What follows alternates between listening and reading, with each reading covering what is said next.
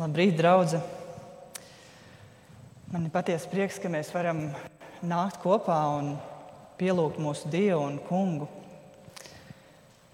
Man šodien ir iedots uzdevums atbildēt uz jautājumu, jūdiem ir lielāka atbildība ticēt nekā pagāniem. Tāpēc aicinu, ka mēs varētu paņemt Dievu vārdu un atvērt Pāvila vēstuli romiešiem otro nodaļu.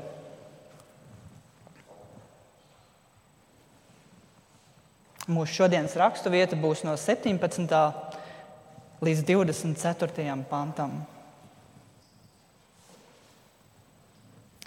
Lasīsim to kopā. Labi, tu sauc sevi par jūdu. Tu lepojies ar Dievu un paļaujies uz bauslību. Tu zini viņa gribu, un būdams bauslībā mācīts, proti atšķirt svarīgo no nesvarīgā. Tu apzinājies, esam aklo ceļvedis, gaisma tiem, kas ir tumsībā, audzinātājs tādiem, kas nekā nezina, skolotājs nepieaugušiem Tāds, kam bauslībā dots atziņas un patiesības paraugs. Citus tu māci, un pats sevi nemāci. Sludinādams, ka nebūs zakt, tu pats zodz. Sacīdams, ka nebūs pārkāpt laulību, tu pats to pārkāp. Ar riebumu novērstamies no elkiem Tu pats aplaupi viņu tempļus, tu lepojies ar bauslību, bet tu pats pulgo dievu, bauslību pārkāpdams. Kā rakstīts jūsu dēļ, dieva vārds tiek zaimots citu tautu starpā. Nāksim pie dieva lūgšanām. Debes Tēvs, mēs nākam pie Tava vārda šajā rītā. Un mēs lūdzam, ka Tu dod mums kārot pēc tā, kā pat labam piedzimuši bērni, pēc šī garīgā, tīrā piena. Palīdz mums saskatīt, cik svēts esi tu un cik mums ir ļoti vajadzīga tava žēlastība. To mēs lūdzam Jēzus vārdā. Mācītājs un teologs Roberts Sprols raksta, ka krituša cilvēka problēma ir tā, ka viņš nespēja izjust bauslības smagumu. Viņa sirds ir tik ļoti nocietināta un pieradināta pie grēka, ka tas nepievērš savu ausi dieva bauslībai. Tā vietā viņš ir iemīlējis sabiedrības un kultūras nospraustās normas. Tā vietā, lai salīdzinātu sevi ar dieva pilnīgo taisnību, viņš salīdzina sevi ar apkārtējo sabiedrību. Taču dieva bauslība ir tā, kas uzrāda mums mūsu grēcīgumu Mūsu garīgajā aklumā mēs sākam skatīties uz bauslību, kā uz veidu, kā iegūt taisnību. Tā vietā, lai ļautu tai mūs pilnībā nosodīt, rādīt uz Kristu. Šis citāts ļoti labi ilustrē šos pantus, kas ir mūsu priekšā. Pāvils, iesākot savu vēstuli draudzēji Romā, vēlas ielikt stingrus pamatus evaņģēlijam, uz kura viņš tālāk cels mūsu glābšanu. Mēs varētu teikt, jo augstāks debeskrāpis, jo dziļākiem ir jābūt pamatiem. Kad Pāvils sāks runāt par evaņģēliju, viņš pacelsies debesu augstumos. Bet vispirms viņš vēlas tam izrakt dziļus pamatus. Lai cilvēks patiesi spētu novērtēt labās ziņas, viņam vispirms ir jādzird sliktās ziņas. Neviens cilvēks nevar tikt glābts, pirms viņš patiesi neapzinās savu vajadzību pēc Jēzus. Un tā Pāvils jau pirmajā nodaļā ir apsūdzējis visus pagānus un bezdievīgos, sacīdams, ka viņiem nav ar ko aizbildināties. Jo ko par Dievu var zināt, tas viņiem jau ir atklāts caur pasaules radīšanu. Un viņš ir apsūdzējis arī reliģiski morālos otrās nodaļas sākumā, kuru sirds bija apcietinātas. Tādā veidā paši sev krādami sodu Dieva dusmības dienai. Taču tagad, no 17. līdz 24. pantam, Pāvils pievēršas jūdiem. Ja līdz šim jūdi ir varējuši stāvēt malā un māt ar galvu, jā, šie pagāni tiešām ir pelnījuši dievu sodu. Tur mēs Pāvilu tev piekrītam. Taču Pāvilam ir vēl viena cilvēku grupa, kuru viņš vēlas uzrunāt.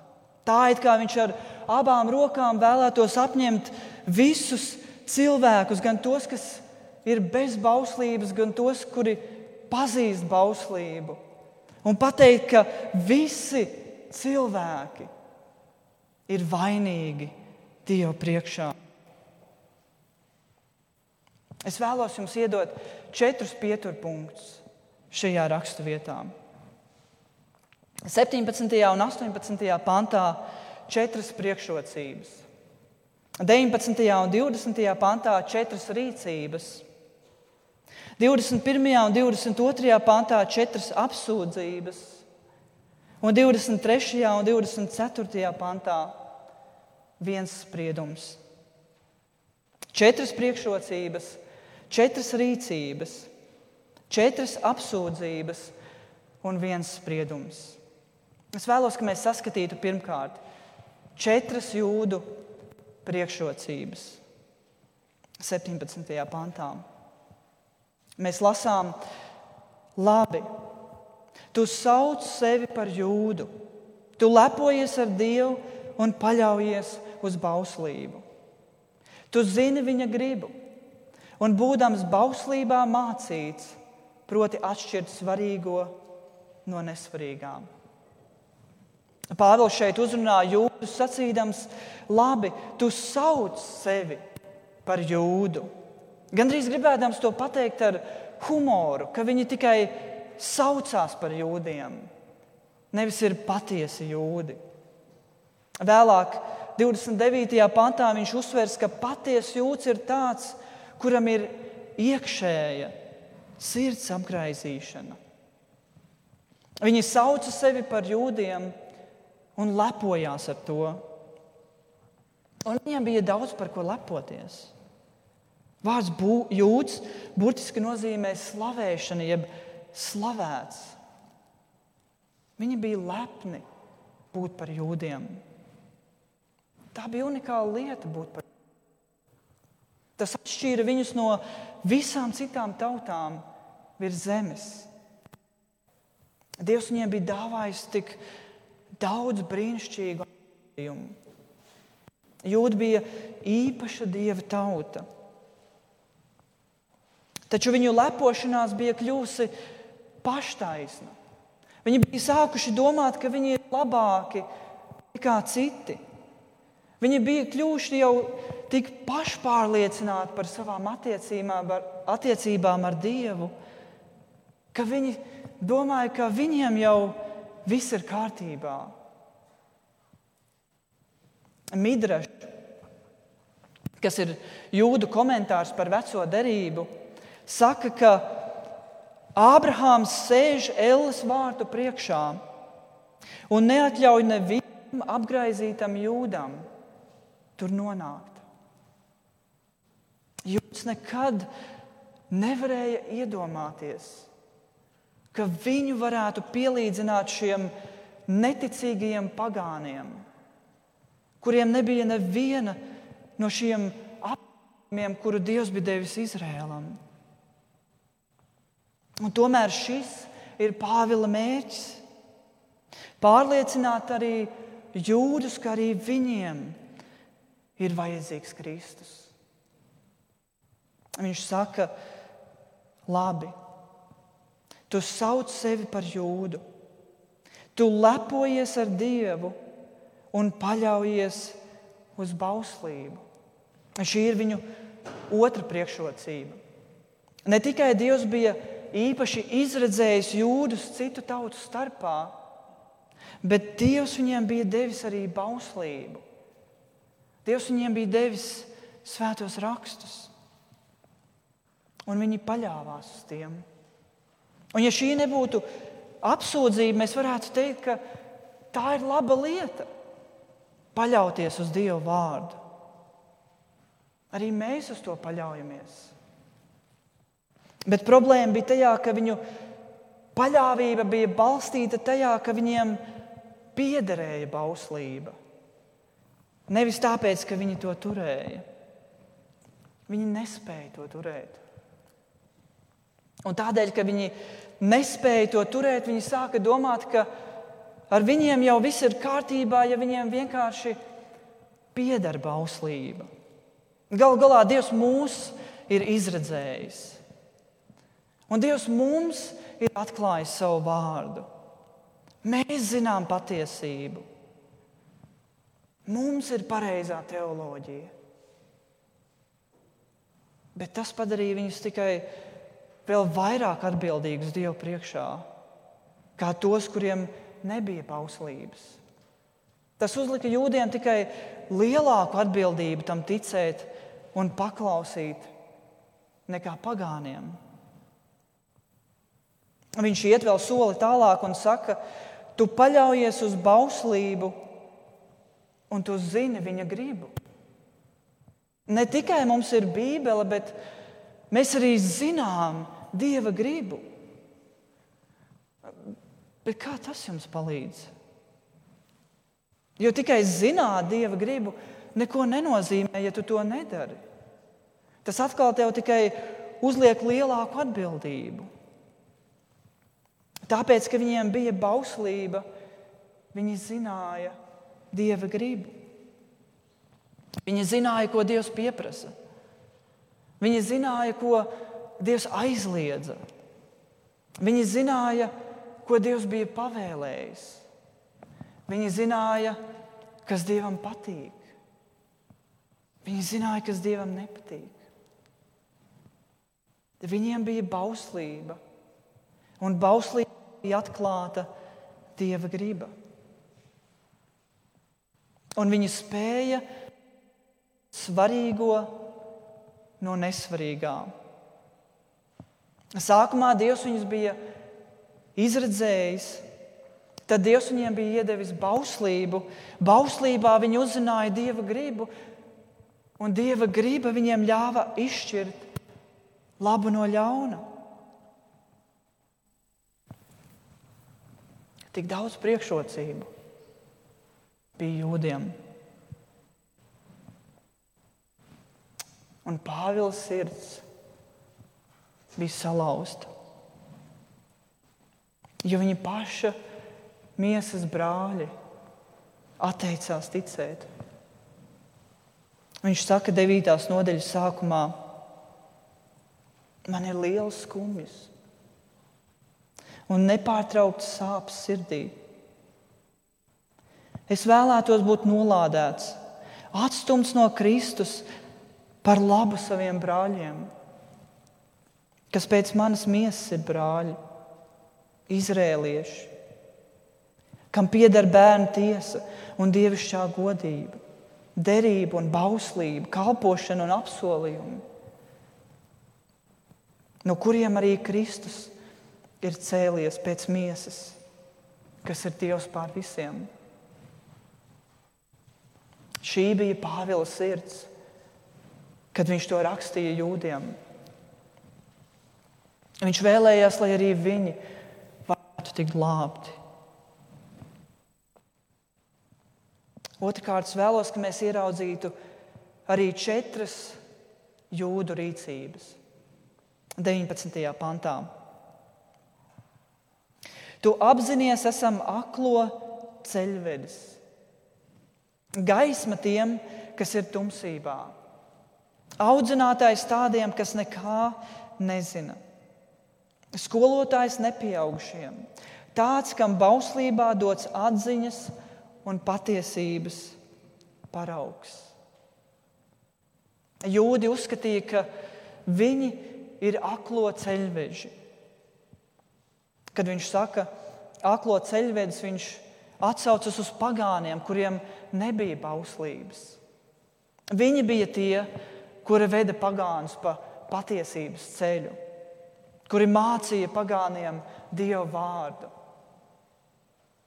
Un tomēr cik skumji, kad mēs lasām Mateja 23, 16, kur Jēzus saka, vai jums aklie ceļa rādītāji? 17. pantā viņš saka, jūs muļķi un aklie. 18. pantā viņš atkal saka, jūs muļķi un aklie. Jēzus saka, ja akls aklām ceļu rāda, tad abi divi iekritīs bedrē. Viņi bija akli ceļveži. Otrakārt, viņi apzinājās, esam gaisma tiem, kas ir tumsībā. Un kas ir interesanti, ka visas šīs lietas viņiem vajadzēja darīt. Dievs viņus bija nolicis būt par gaismu pagāniem. Jēzus 42, 6 viņš saka, es tas kungs tevi iecēlu par gaismu citām tautām, lai atvērtu acis akliem un atsvabinātu apcietinātos no cietuma tos, kas sēž tumsībā bet viņu gaisma jau sen bija izdzisusi. Tā vietā, lai norādītu uz Mēsiju, uz Kristu kā viņu glābēju, viņi uzkrāja cilvēkiem pašu izdomātu bauslību, kuru viņi paši pat nebija spējīgi turēt.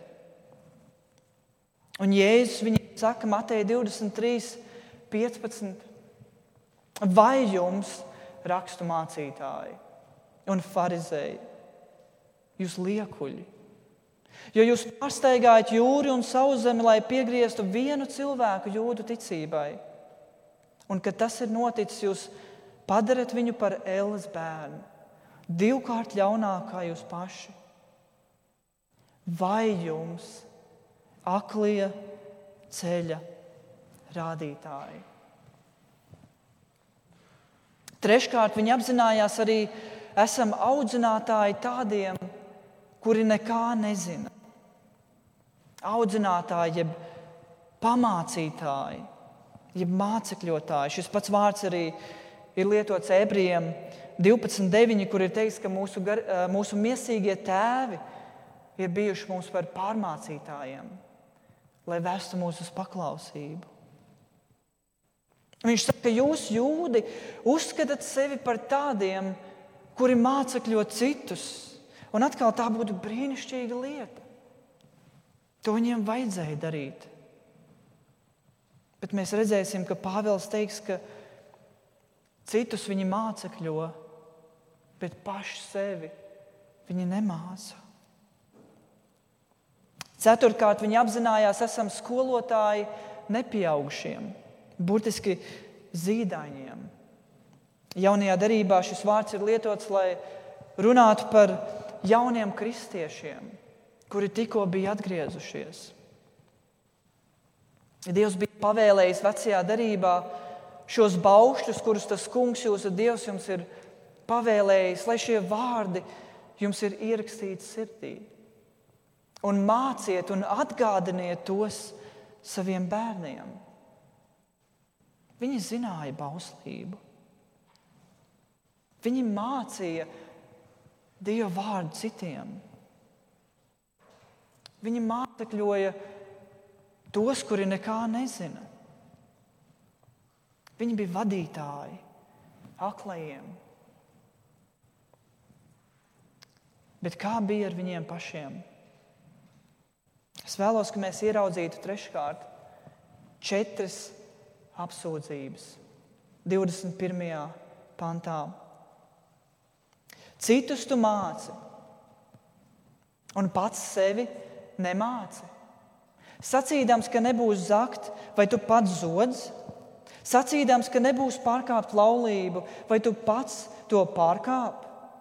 Ar riebumu novērstamies no elkiem, vai tu aplaupi viņu tempļus? Tu lepojies ar bauslību, bet tu pats pulgo dievu, bauslību pārkāpdams. Pāvils tagad pagriež šo jūdu pārliecību pret viņiem pašiem un saka, ja, ja jums ir šīs visas priekšrocības, un ja jūs mācat citus, vai jūs nemācat paši sevi?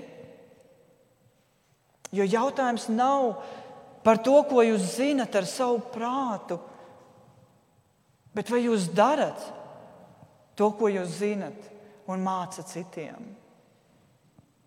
Jo pareiza ticība bez pareizas rīcības ir liekulība.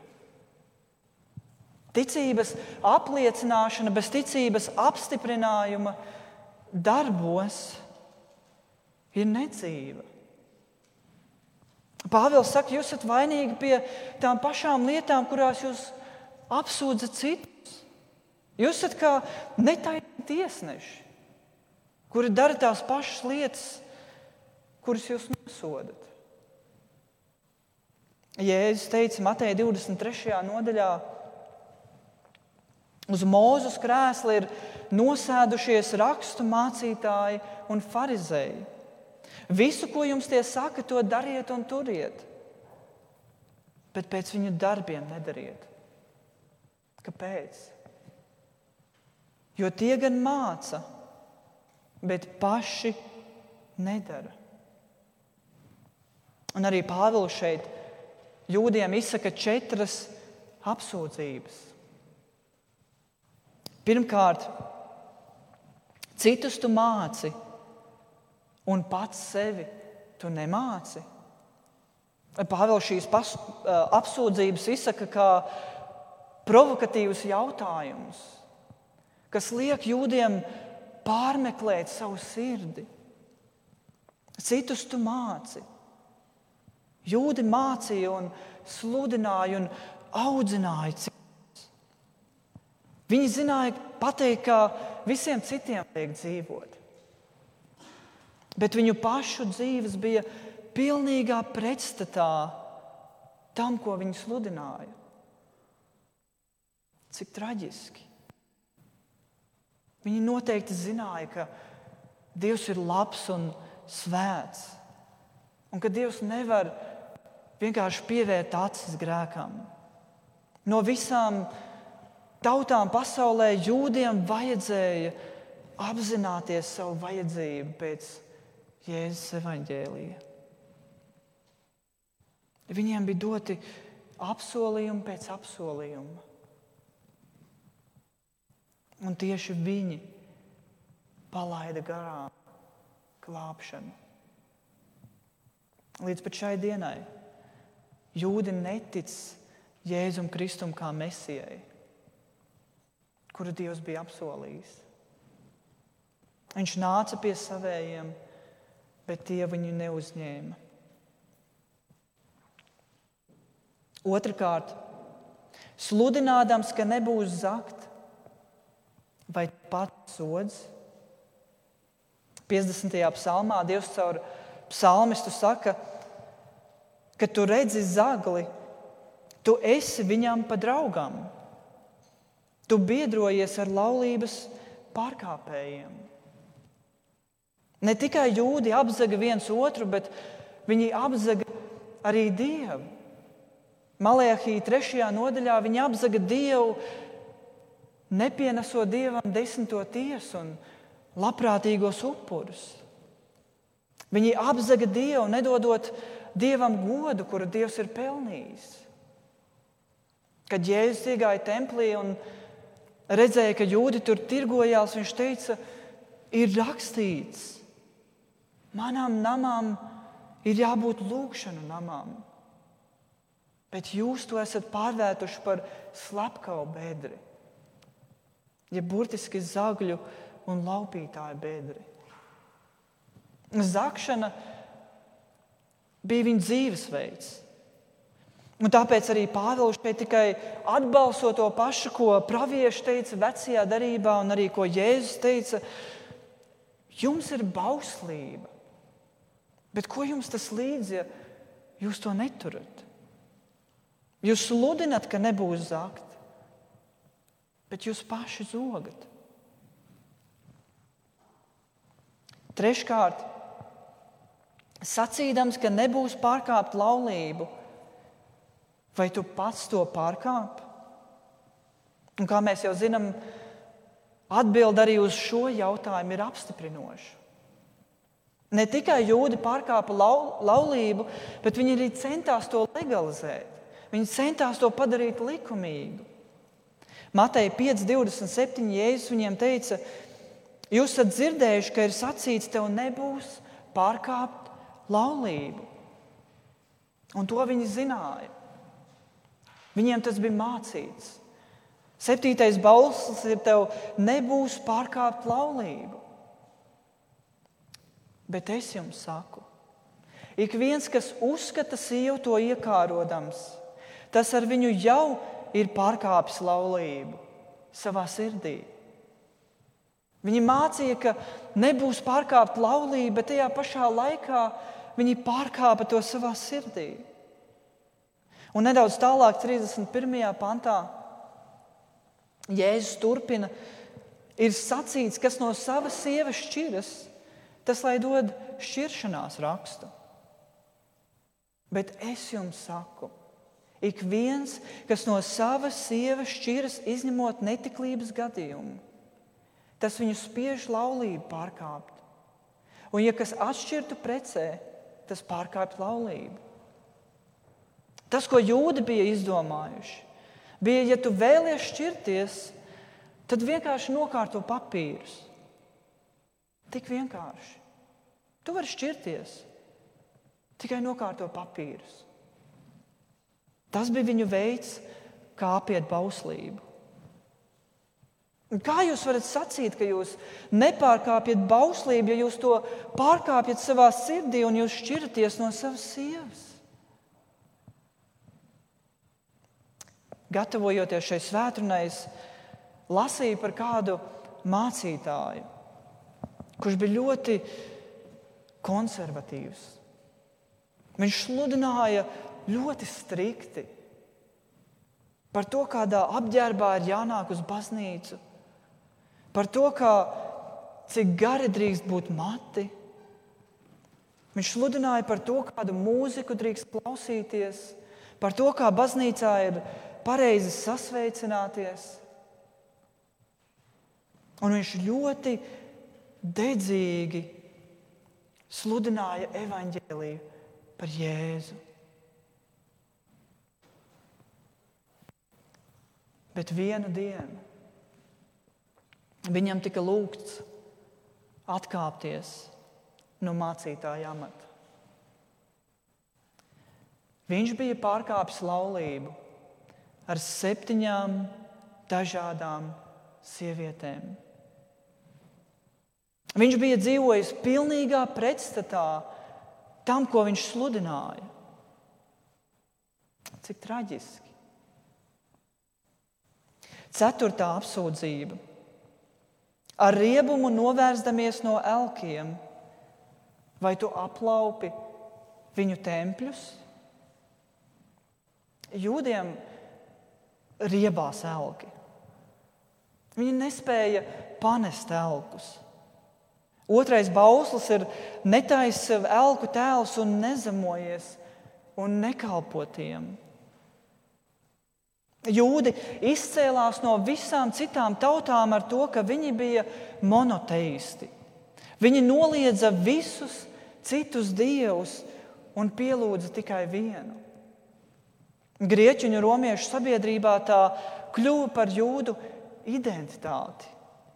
Viņi teica, jūdi tie jau ir tie, kuri noliedz visus dievus, izņemot savējo. Jūdi bija kļuvuši slaveni ar to, ka viņi bija uzticīgi tikai vienam dievam. Un tāpēc viņi ar riebumu novērsās no elkiem. Un tajā pašā laikā viņi aplaupīja elku tempļus. Dievs bija teicis vecajā darbā, 5. mūzes 7. Viņu elku tēlus sadedziniet ugunī, neiekāro sudrabu un zeltu, ar ko tie greznoti, un nepiesavinies to, ka tu netopi ar to savaldzināts, jo viss tas ir negantība tam kungam, tavam dievam. Neienes negantību savā namā, ka tu pats netopi izdeldēts, tāpat kā tie, bet nicini to un lai tā tev ir, lai tā tev rieptin riebjas, jo tā nes iznīcības lāstu. Viņiem bija mācīts ar riebumu novērsties no elkiem. Un, ja viņi atrada kādus elkus, tad viņiem tos bija jāiznīcina. Nepaturēt tā zelta, un sudraba un vērtību. Bet tā vietā, ko viņi darīja? Viņi staigā pagānu tempļiem un zaga viņu elkus. No vienas puses viņi sludināja pret elgdievību, un no otras puses viņi aplaupīja tempļus, lai piepelnītos uz elku rēķina. Tas izklausās gandrīz neticami kad Pāvils ar mācekļiem tika apsūdzēti apstuļu darbu 19. nodaļā.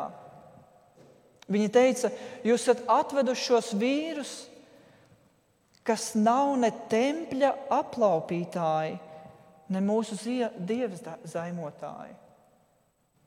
Tik ierasta bija šī lieta, ka tad, kad jūdi tika vēsti tiesas priekšā, pirmais jautājums bija, Kuru templi tad viņi šoreiz ir aplaupījuši?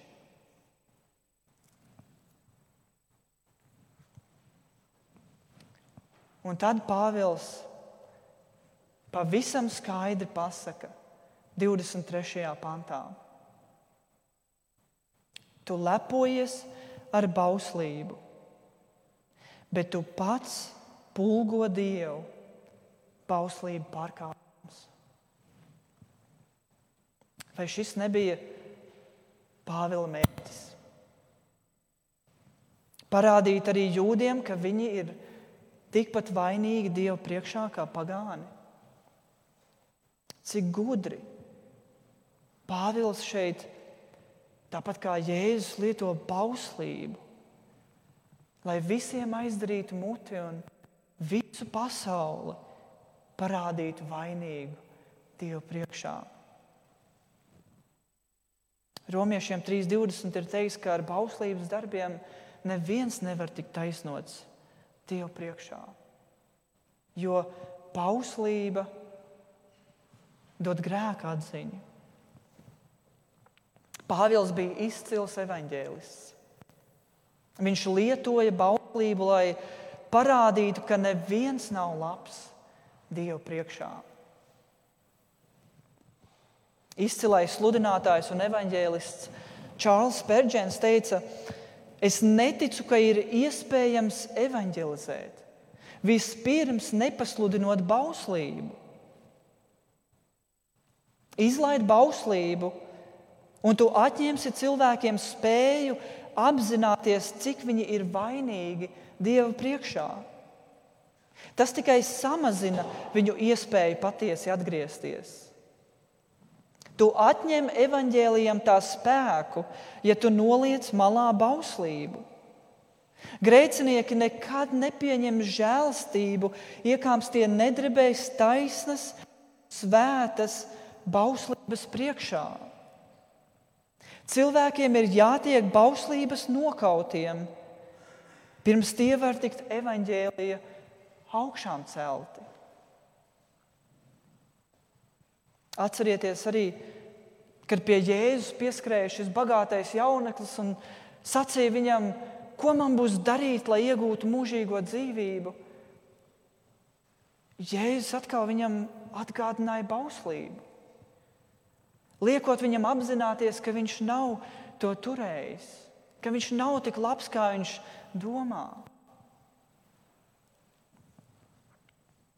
Tā jūdi, neskatoties uz viņu mantojumu un apsolījumiem, neskatoties uz to, ka viņi bija izredzētā dieva tauta, neskatoties uz to, ka viņi zināja bauslību un ka viņi sludināja un viņi mācīja to citiem.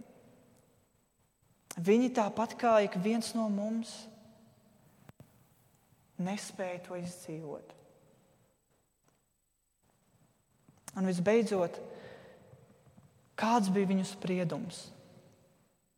23. un 24. pāns. Tu lepojies ar bauslību, bet tu pats pulgo dievu, bauslību pārkāpdams. Kā rakstīts, jūsu dēļ dieva vārds tiek zaimots citu tautu starpā.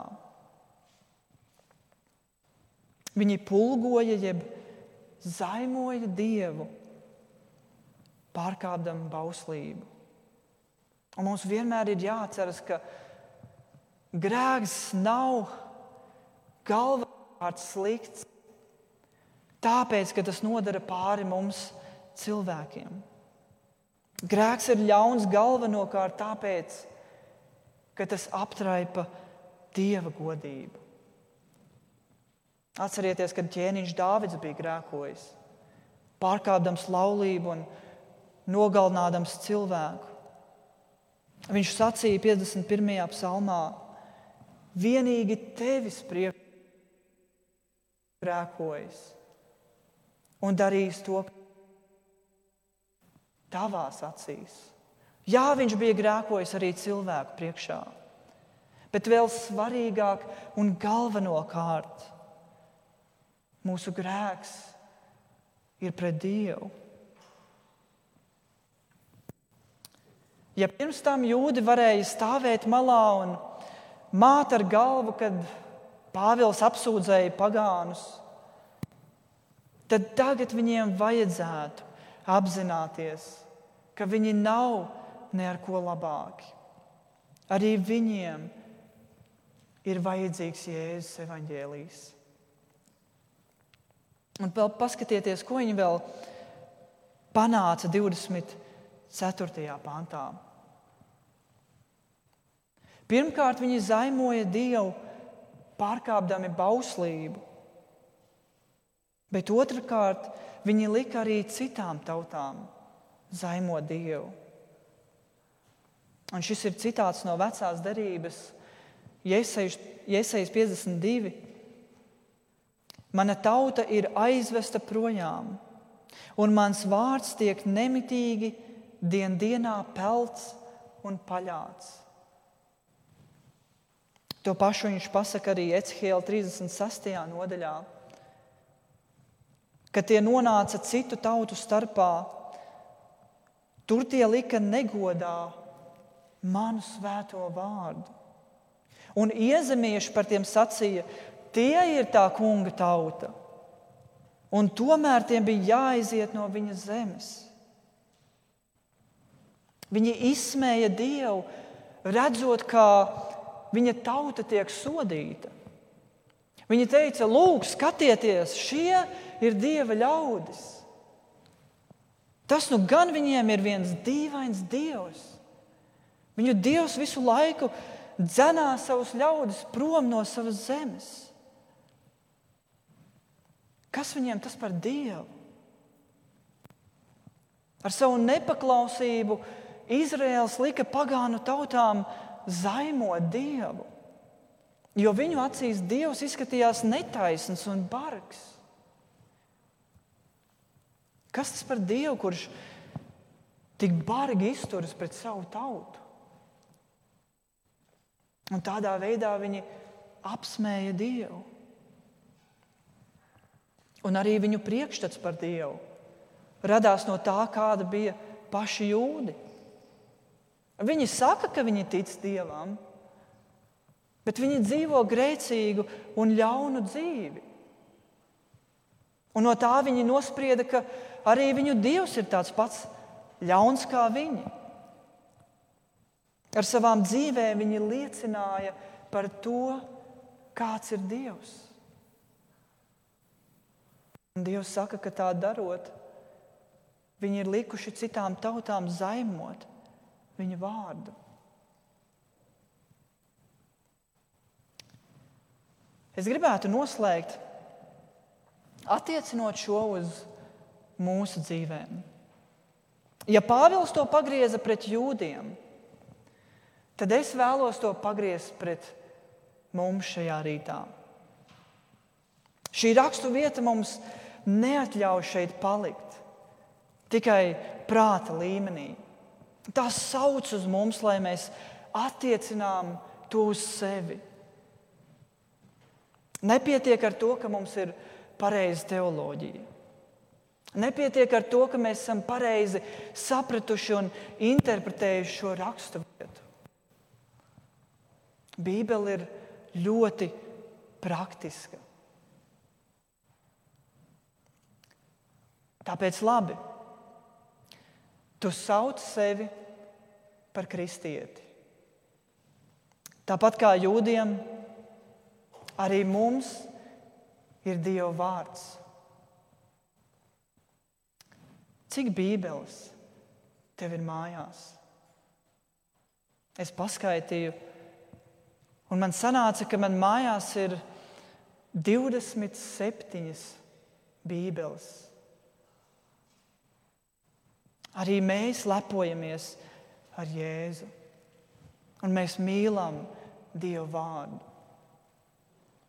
Mēs zinām Dieva gribu, esot tik brīnišķīgi mācīti šajā draudzē. Mēs ejam evanģelizēt. Mēs mācām citus.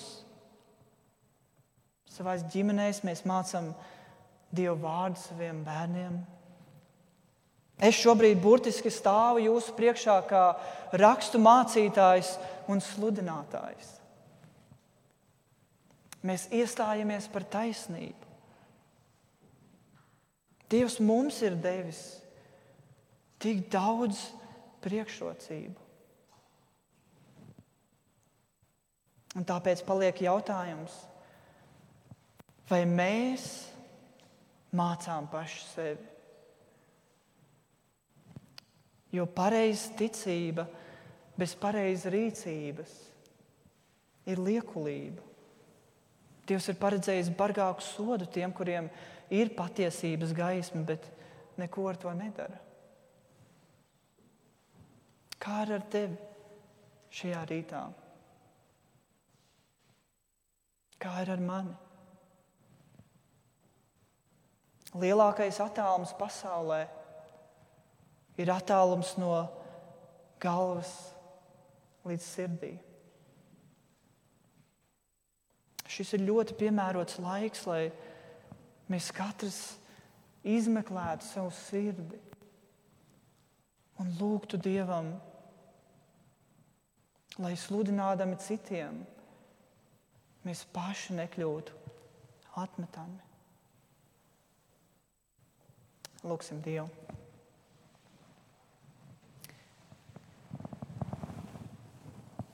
Mīļais debes Tēvs, paldies Tev par Tavu vārdu šajā rītā. Paldies Tev par Jēzu Kristu. Paldies, ka Tu nomiri pie krusta un dāvāja mums mūžīgo dzīvību. Ikvienam, kas tic tavam vārdam, mēs vēlamies tev sekot. Mēs vēlamies tev paklausīt. Nevis tāpēc, lai izpelnītos tavu žēlastību, bet tāpēc, ka mēs to jau esam saņēmuši. Pārbaudi mūsu sirds, saka Dievs un uzlūko, kungs, vai es neesmu uz, uz ļauna ceļa. Un vādi mani pa taisnības ceļu. To mēs lūdzam Tava dēla Jēzus Kristus vārdā. Amen.